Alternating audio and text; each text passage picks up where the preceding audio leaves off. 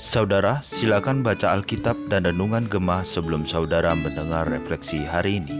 Shalom Bapak Ibu Saudara yang dikasihi dan mengasihi Tuhan. Bagaimana keadaan semua?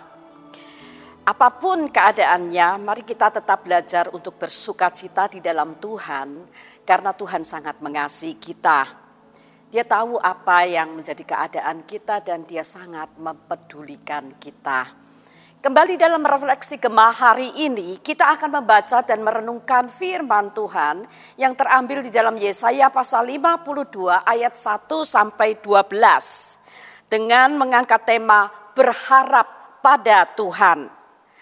Sebelum kita membaca dan merenungkan firman Tuhan, saya mengajak kita semua berdoa terlebih dahulu minta pimpinan Allah Roh Kudus. Kami mau memuji dan meninggikan Engkau ya Bapa Allah yang sangat mengasihi kami. Hanya Engkaulah satu-satunya yang kami inginkan di dalam hidup ini. Karena Engkau tidak pernah meninggalkan kami, karena Engkau tidak pernah mengecewakan kami.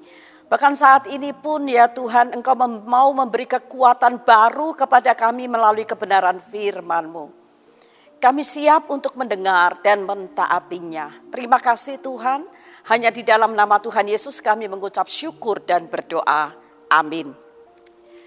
Bapak Ibu Saudara, firman Tuhan yang akan saya baca pada kesempatan ini yaitu di ayat 1 sampai 3 kemudian dilanjutkan di ayat 6 sampai 7 demikian bunyi firman Tuhan. Terjagalah, terjagalah Kenakanlah kekuatanmu seperti pakaian, hai Sion. Kenakanlah pakaian kehormatanmu, hai Yerusalem, kota yang kudus. Sebab tidak seorang pun yang tak bersunat atau yang najis akan masuk lagi ke dalammu. Kebaskanlah debu daripadamu, bangunlah, hai Yerusalem yang tertawan.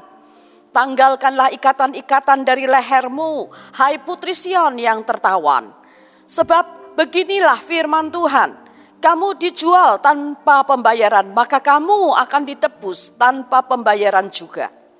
Kemudian ayat 6 dan 7 demikian bunyi firman Tuhan. Sebab itu umatku akan mengenal namaku dan pada waktu itu mereka akan mengerti bahwa akulah dia yang berbicara. Ya, aku. Betapa indahnya kelihatan dari puncak bukit-bukit kedatangan pembawa berita yang mengabarkan berita damai dan memberitakan kabar baik yang mengabarkan berita selamat dan berkata kepada Sion, Allahmu itu Raja. Bapak Ibu Saudara ada banyak peristiwa yang kurang baik yang bisa terjadi pada kita. Nah keadaan seperti ini sering kali membuat kita tawar hati atau hopeless yang dampaknya hati kita dan hubungan kita kepada Tuhan menjadi jauh. Jangan biarkan kondisi ini terjadi untuk waktu yang lama, supaya hati kita tidak mengeras dan kerinduan kepada Allah akhirnya hilang. Oleh karena itu, mari kita selalu terus waspada untuk menjaga hati terus terjaga. Hati yang terus terjaga inilah yang diperintahkan Tuhan kepada umatnya melalui Nabi Yesaya. Bapak ibu saudara saat itu Israel utara ada di dalam pembuangan di Asyur. Sedangkan Israel selatan sedang terancam dan untuk ditaklukkan dan ditawan oleh Babel. Nah di dalam pembuangan tersebut Bangsa Israel mengalami penindasan yang kejam dari Asyur dan nama Tuhan dihujat. Nah, keadaan ini membuat bangsa Israel menderita, tertekan yang menyebabkan mereka menjadi tawar hati dan hilang pengharapan.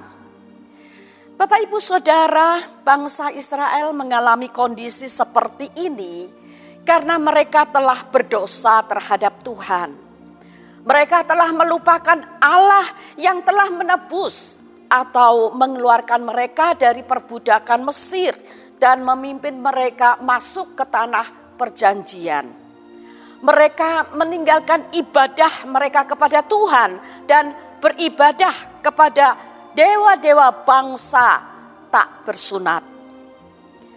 Maka di sini keadilan Allah dinyatakan dalam hal memberi hukuman kepada mereka yang berdosa. Tetapi Allah yang adil juga adalah Allah yang penuh kasih. Kasihnya nyata, yaitu dalam hal dia memberi pengampunan kepada umatnya dan menyelamatkan mereka. Oleh sebab itu Allah tidak mau umatnya terus ada di dalam kondisi tawar hati dan tidak punya pengharapan. Melalui Nabi Yesaya Allah memerintahkan umatnya untuk terjaga. Kalau kita melihat di ayat 1 di situ dikatakan terjagalah, terjagalah. Maksudnya adalah umatnya tidak boleh terlena, tidak boleh tertidur dengan keadaan yang ada, tetapi tetap dan terus fokus kepada Tuhan. Sekarang saatnya untuk mengenakan kekuatan dari Tuhan dan mengenakan pakaian kehormatan. Sekarang saatnya untuk mengebaskan debu dan bangkit dari keterpurukan.